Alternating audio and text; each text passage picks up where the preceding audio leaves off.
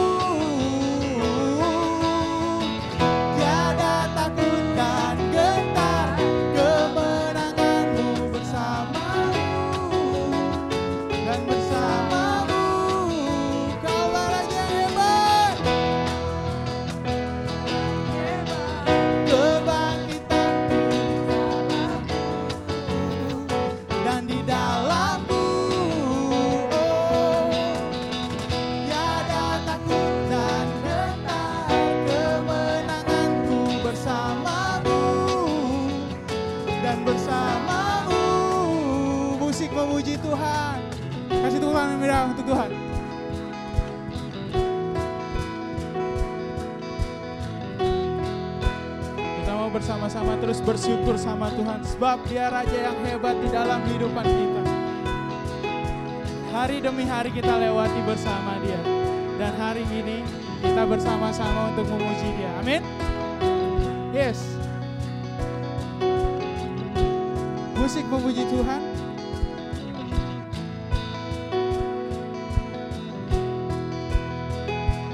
Dimuliakanlah Tuhan lewat permainan bass dari Koroki. Yeah, kasih tepuk tangan untuk Tuhan kita dong. Woo, yang lebih semangat lagi. Yeah. Terpujilah Tuhan lewat permainan musik Korere. Sama-sama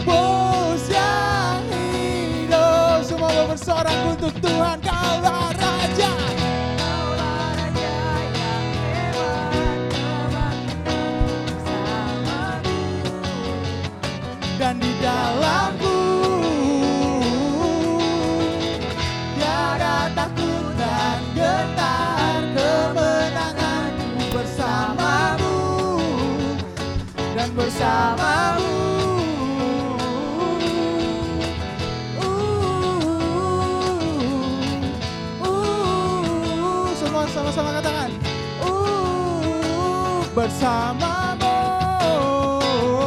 Kasih tepuk tangan yang meriah untuk Tuhan kita. Silakan duduk teman-teman. Haleluya haleluya. Sungguh luar biasa perbuatan Tuhan di dalam kehidupan kita. Amin. Tiada terbatas Tuhan mengasihi kita kehidupan. Tiada terbatas Tuhan memberikan kita siap jalan-jalannya untuk kehidupan kita. Di setiap doa-doa kita ada Tuhan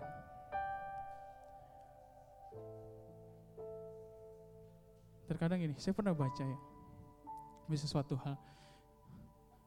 Jadi kadang saya juga pernah merasakan kayak, Tuhan, kok doa-doa saya nggak pernah dijawab gitu, nggak pernah dijawab langsung.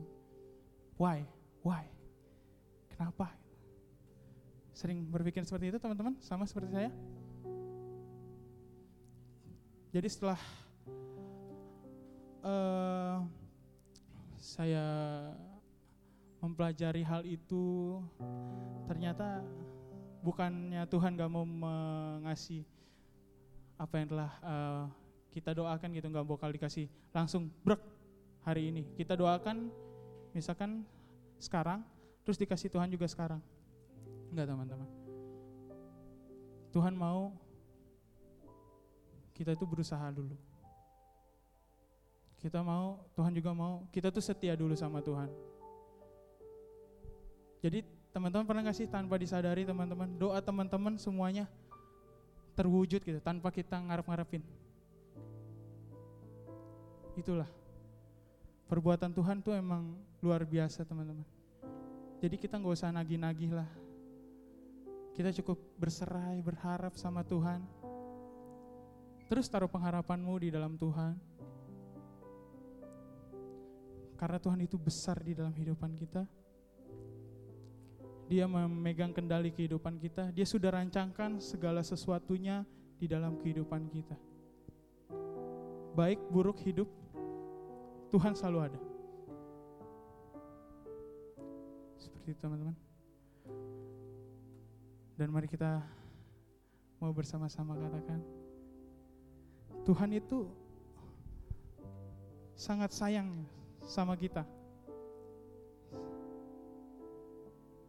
Saking sayangnya Tuhan itu sampai dia tidak mau melepaskan kita, selalu ada buat kita di dalam pekerjaan, di dalam sekolah, dan di dalam kehidupan sehari-hari. Kita mau katakan bersama-sama, seperti Bapa sayang. Anaknya. Demikianlah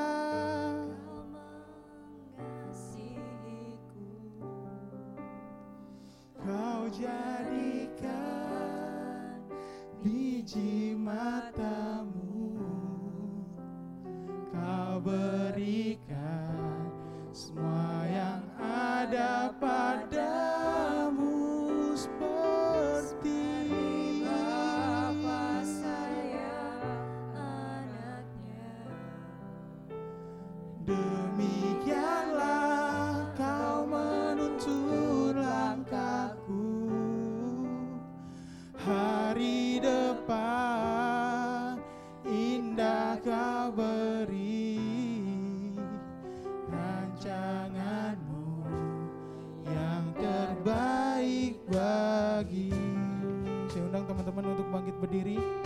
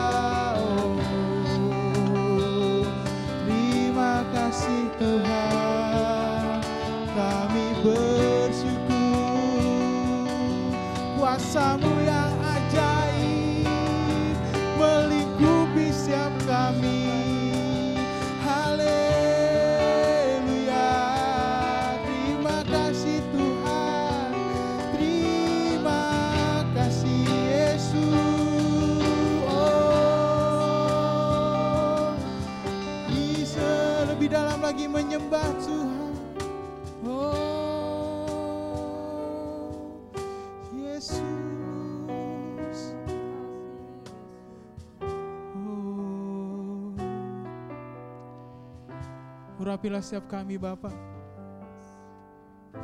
Kami rindu Tuhan akan jamahan roh kudusmu. Yes.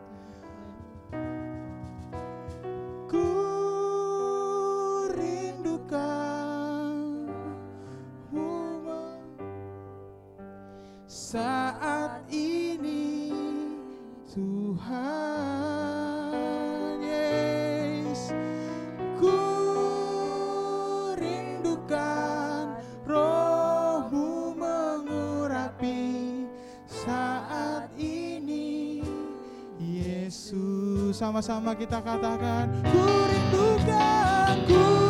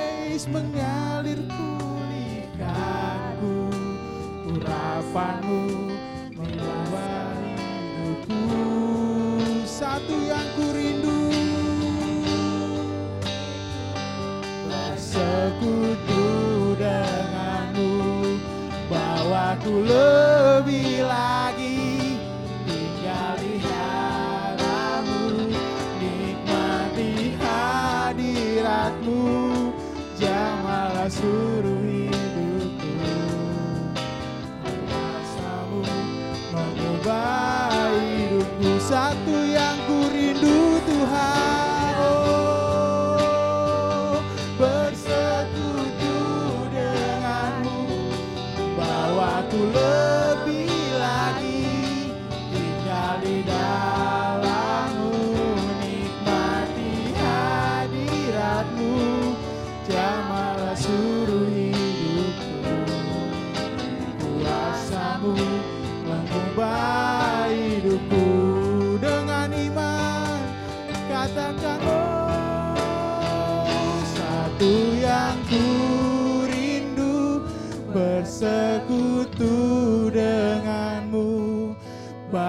Bawaku lebih lagi Tinggal di dalammu Nikmati hadiratmu. Jamalah suruh hidupku. Kuasamu mengubah hidupku Dengan iman katakan Satu yang bersekutu Yes.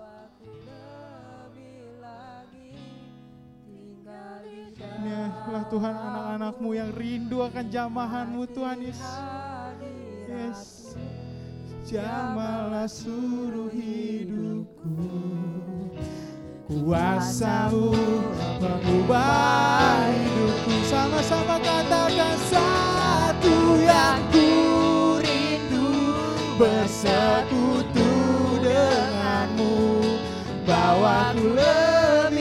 persilakan untuk hambanya akan membacakan firman Tuhan. Nikmati hadiratmu Jamalah suruh hidupku. Kuasamu mengubah hidupku. Kuasamu mengubah hidupku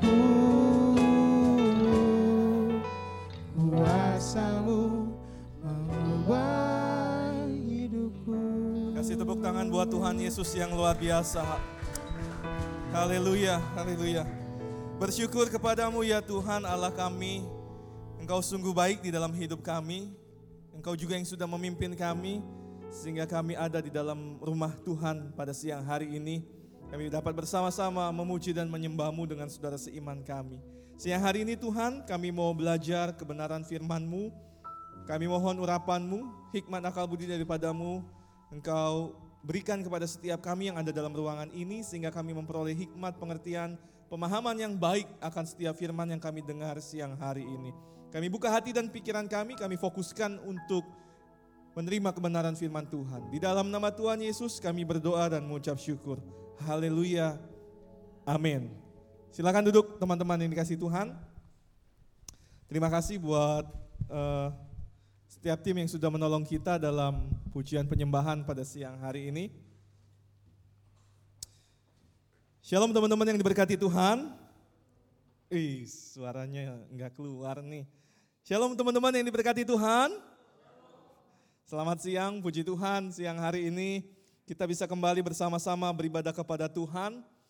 Sekalipun cuaca di luar sana sangat panas, tetapi biarlah hati dan pikiran kita di sini dingin semua. Sehingga kita bisa belajar firman Tuhan dengan baik. Sudah siap belajar firman Tuhan? Sudah siap belajar firman Tuhan? Haleluya. Yang udah siap kasih tahu ke eh, teman kanan kirinya, yuk jangan ngantuk yuk gitu. Yuk jangan ngantuk yuk. Ya. Apalagi yang udah dari pagi pasti capek ya. Bangun udah pagi-pagi. Udah sampai siang begini, habis makan kena AC biasanya ngantuk. Yuk jangan ngantuk yuk ya. Nah, tema khotbah saya siang hari ini adalah financial freedom ya atau bahasa Indonesianya adalah kebebasan keuangan, kemerdekaan keuangan. Nah, buat sebagian besar uh, remaja dan kaum muda mungkin masih asing dengan istilah ini. Khususnya buat kalian yang um, masih dapat uang jajan dari papa dan mama yang setiap bulan memang sudah dijatah sekian, ya udah pasti dapat gitu. Mungkin istilah ini uh, kurang berlaku buat kalian. Ya, tapi buat yang kerja, yang udah yang berumah tangga pasti ingin mengalami yang namanya financial freedom. Nah, apakah yang dimaksud dengan financial freedom? Financial freedom adalah kondisi di mana seseorang bebas secara finansial. Dalam artian keadaan di mana seseorang memiliki keuangan yang cukup untuk memenuhi segala kebutuhan hidupnya tanpa harus bekerja sangat keras. Ya, kalau bahasa kita tanpa harus ngoyo kerjanya, tanpa harus maksa gitu loh.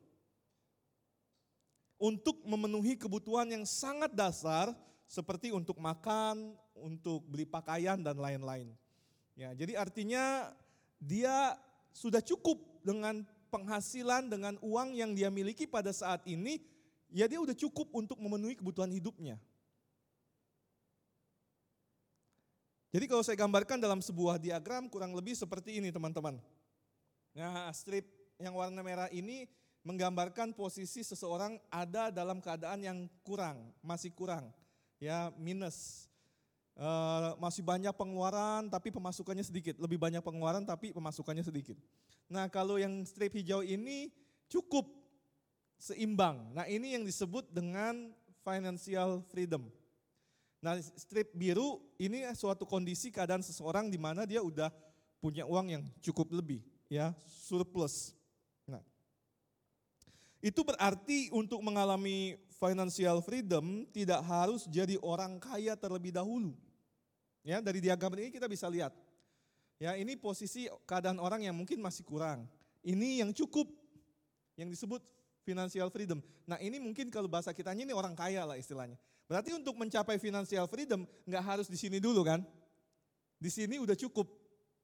Ya karena financial freedom itu kebebasan keuangan, kemerdekaan keuangan itu bukan bicara tentang berapa banyak harta yang kalian punya. Gitu bukan. Tapi rasa rasa apa ya? Rasa syukur kebisaan seseorang untuk mengatur keuangannya dengan baik, mengelola keuangannya dengan baik sehingga dengan penghasilan yang dimiliki saat itu walaupun dia nggak kaya, Walaupun gak berlebih, tapi dia udah bisa mencukupi kebutuhannya sehari-hari. Itu loh maksudnya. Itu yang dimaksud dengan uh, financial freedom.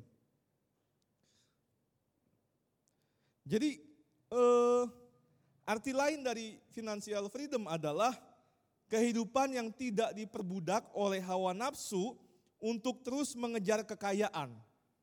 Ya, ada orang yang tujuan hidupnya hanya mengejar kekayaan mengejar harta, ngejar uang. Jadi dengan penghasilan yang dia miliki saat ini dia nggak pernah puas. Selalu cari yang lebih, yang lebih, yang lebih dan lebih lagi. Teman-teman perlu tahu bahwa yang namanya manusia, keinginan manusia itu nggak pernah puas, betul nggak? Kita udah punya motor nih satu, pengen beli yang lebih baik lagi. Udah bisa beli yang lebih baik, pengen beli yang terbaik. Udah bisa beli yang terbaik, pengen yang sangat-sangat lebih baik lagi. Itulah yang namanya hawa nafsu manusia. Jadi teman-teman harus hati-hati. Jangan sampai hidup kita dikendalikan oleh hawa nafsu untuk terus ngejar kekayaan, harta, kekayaan. Nah jadi arti lain dari financial freedom adalah kehidupan yang tidak diperbudak oleh hawa nafsu untuk terus mengejar kekayaan. Sehingga kalian lupa daratan, lupa yang lainnya.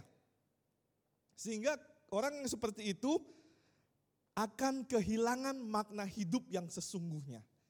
Karena kalian perlu tahu bahwa hidup itu bukan cuma bicara untuk ngejar uang. Ada hal-hal lain, hal-hal yang lebih bermakna yang bisa kita kerjakan, yang bisa kita kejar. Ya, jadi jangan sampai hidup kita diperbudak oleh hawa nafsu untuk terus mengejar kekayaan. Memang kita tidak munafik bahwa kita hidup masih butuh uang, betul nggak?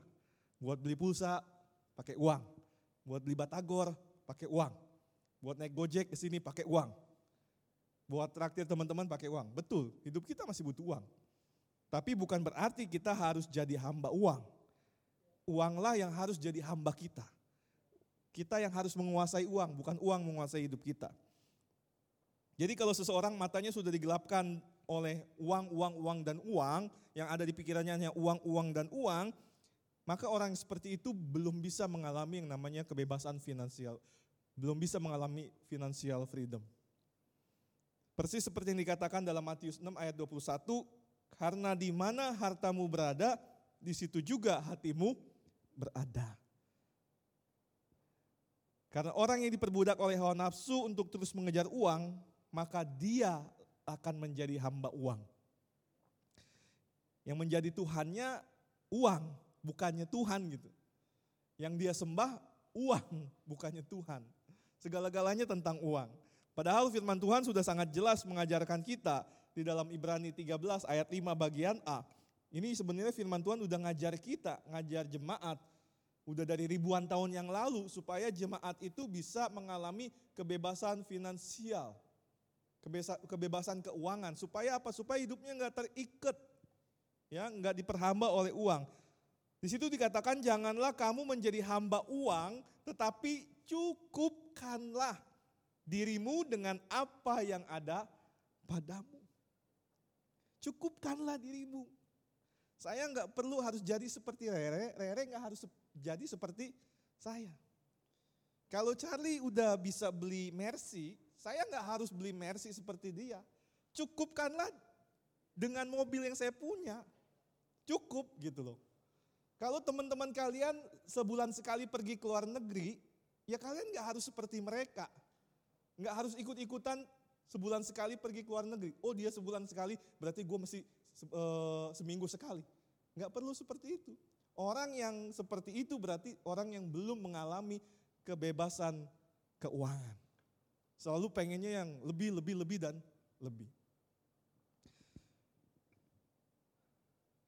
Janganlah kamu menjadi hamba uang, artinya jangan sampai waktu kita habis hanya untuk mengejar uang. Jangan sampai uang menguasai hidup kita, tetapi kitalah yang seharusnya menguasai uang. Jangan sampai karena uang kita jauh dari Tuhan.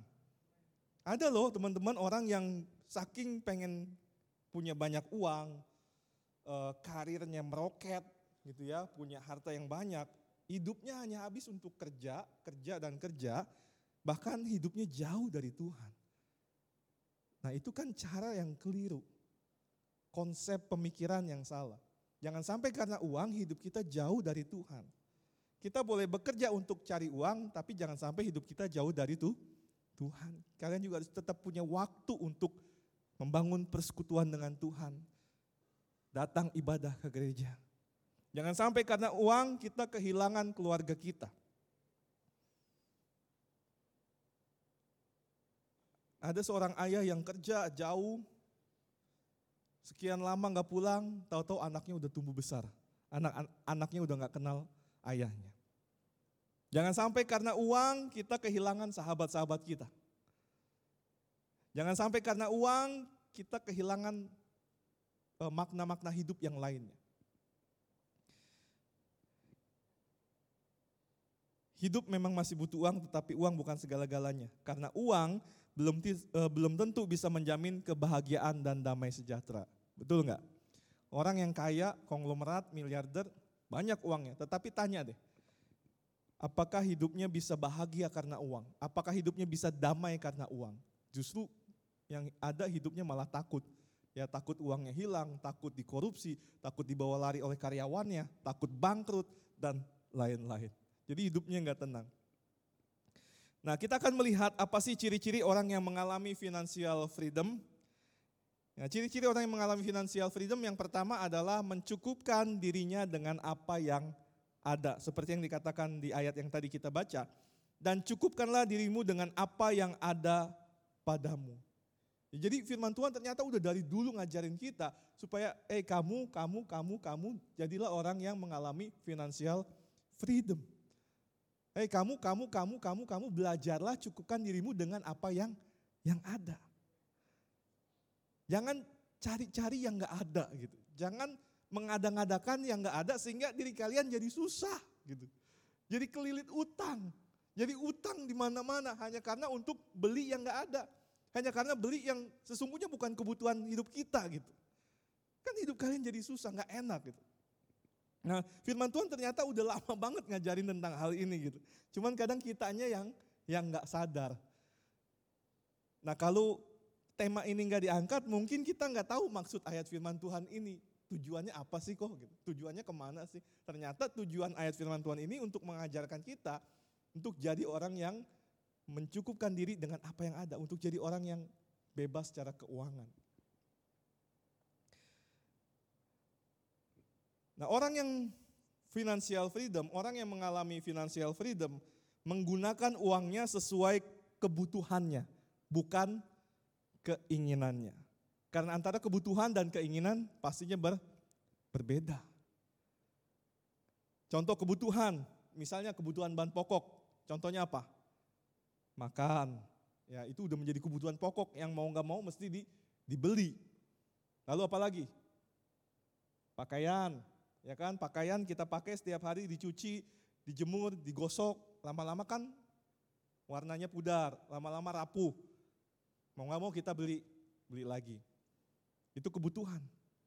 Tapi kalau keinginan belum tentu menjadi kebutuhan, kebutuhan kita. Apa kok contohnya yang disebut dengan keinginan? Apa? Apa yang ada di dalam keinginan kalian, kalian mau apa? Hah? Oh saya pengen jalan-jalan kok. Ya pengen liburan jalan-jalan. Itu kebutuhan apa keinginan? Keinginan kan. Itu urgent apa enggak? Enggak. Penting banget apa enggak? Enggak. Kita enggak lakuin pengaruh enggak dengan kehidupan kita? Enggak juga. Oh saya pengen beli gadget yang terbaru kok, yang paling keren, yang baru keluar itu hanya sekedar keinginan. Padahal gadget kita masih bisa gitu kan. Masih bisa dipakai, masih bisa berfungsi dengan baik, masih bagus. Tapi karena lihat temannya udah ganti handphone yang baru, yang keluaran terbaru, oh jadi pengen ikut ganti juga. Nah itulah yang disebut dengan kei, keinginan. Tadi kan saya udah bilang, keinginan manusia itu bah, banyak. Jadi kalau hidup kita menuruti keinginan kita, orang tua kalian bisa bangkrut. Kalau yang dapat uang jajannya masih dari orang tua dikit-dikit, Pak, Ma, minta dong buat beli ini. Pak, Ma, beliin ini dong. Pak, Ma, makan ini dong. Waduh, orang tuanya bisa hamsyong. Ya, bisa pusing. Selain itu, orang yang mengalami financial freedom, dia bisa menyesuaikan antara kemampuan keuangan dia dengan hal-hal yang akan dilakukan. Dia bisa menyesuaikan, mengatur antara kemampuan keuangan dia dengan hal-hal yang akan dia lakukan.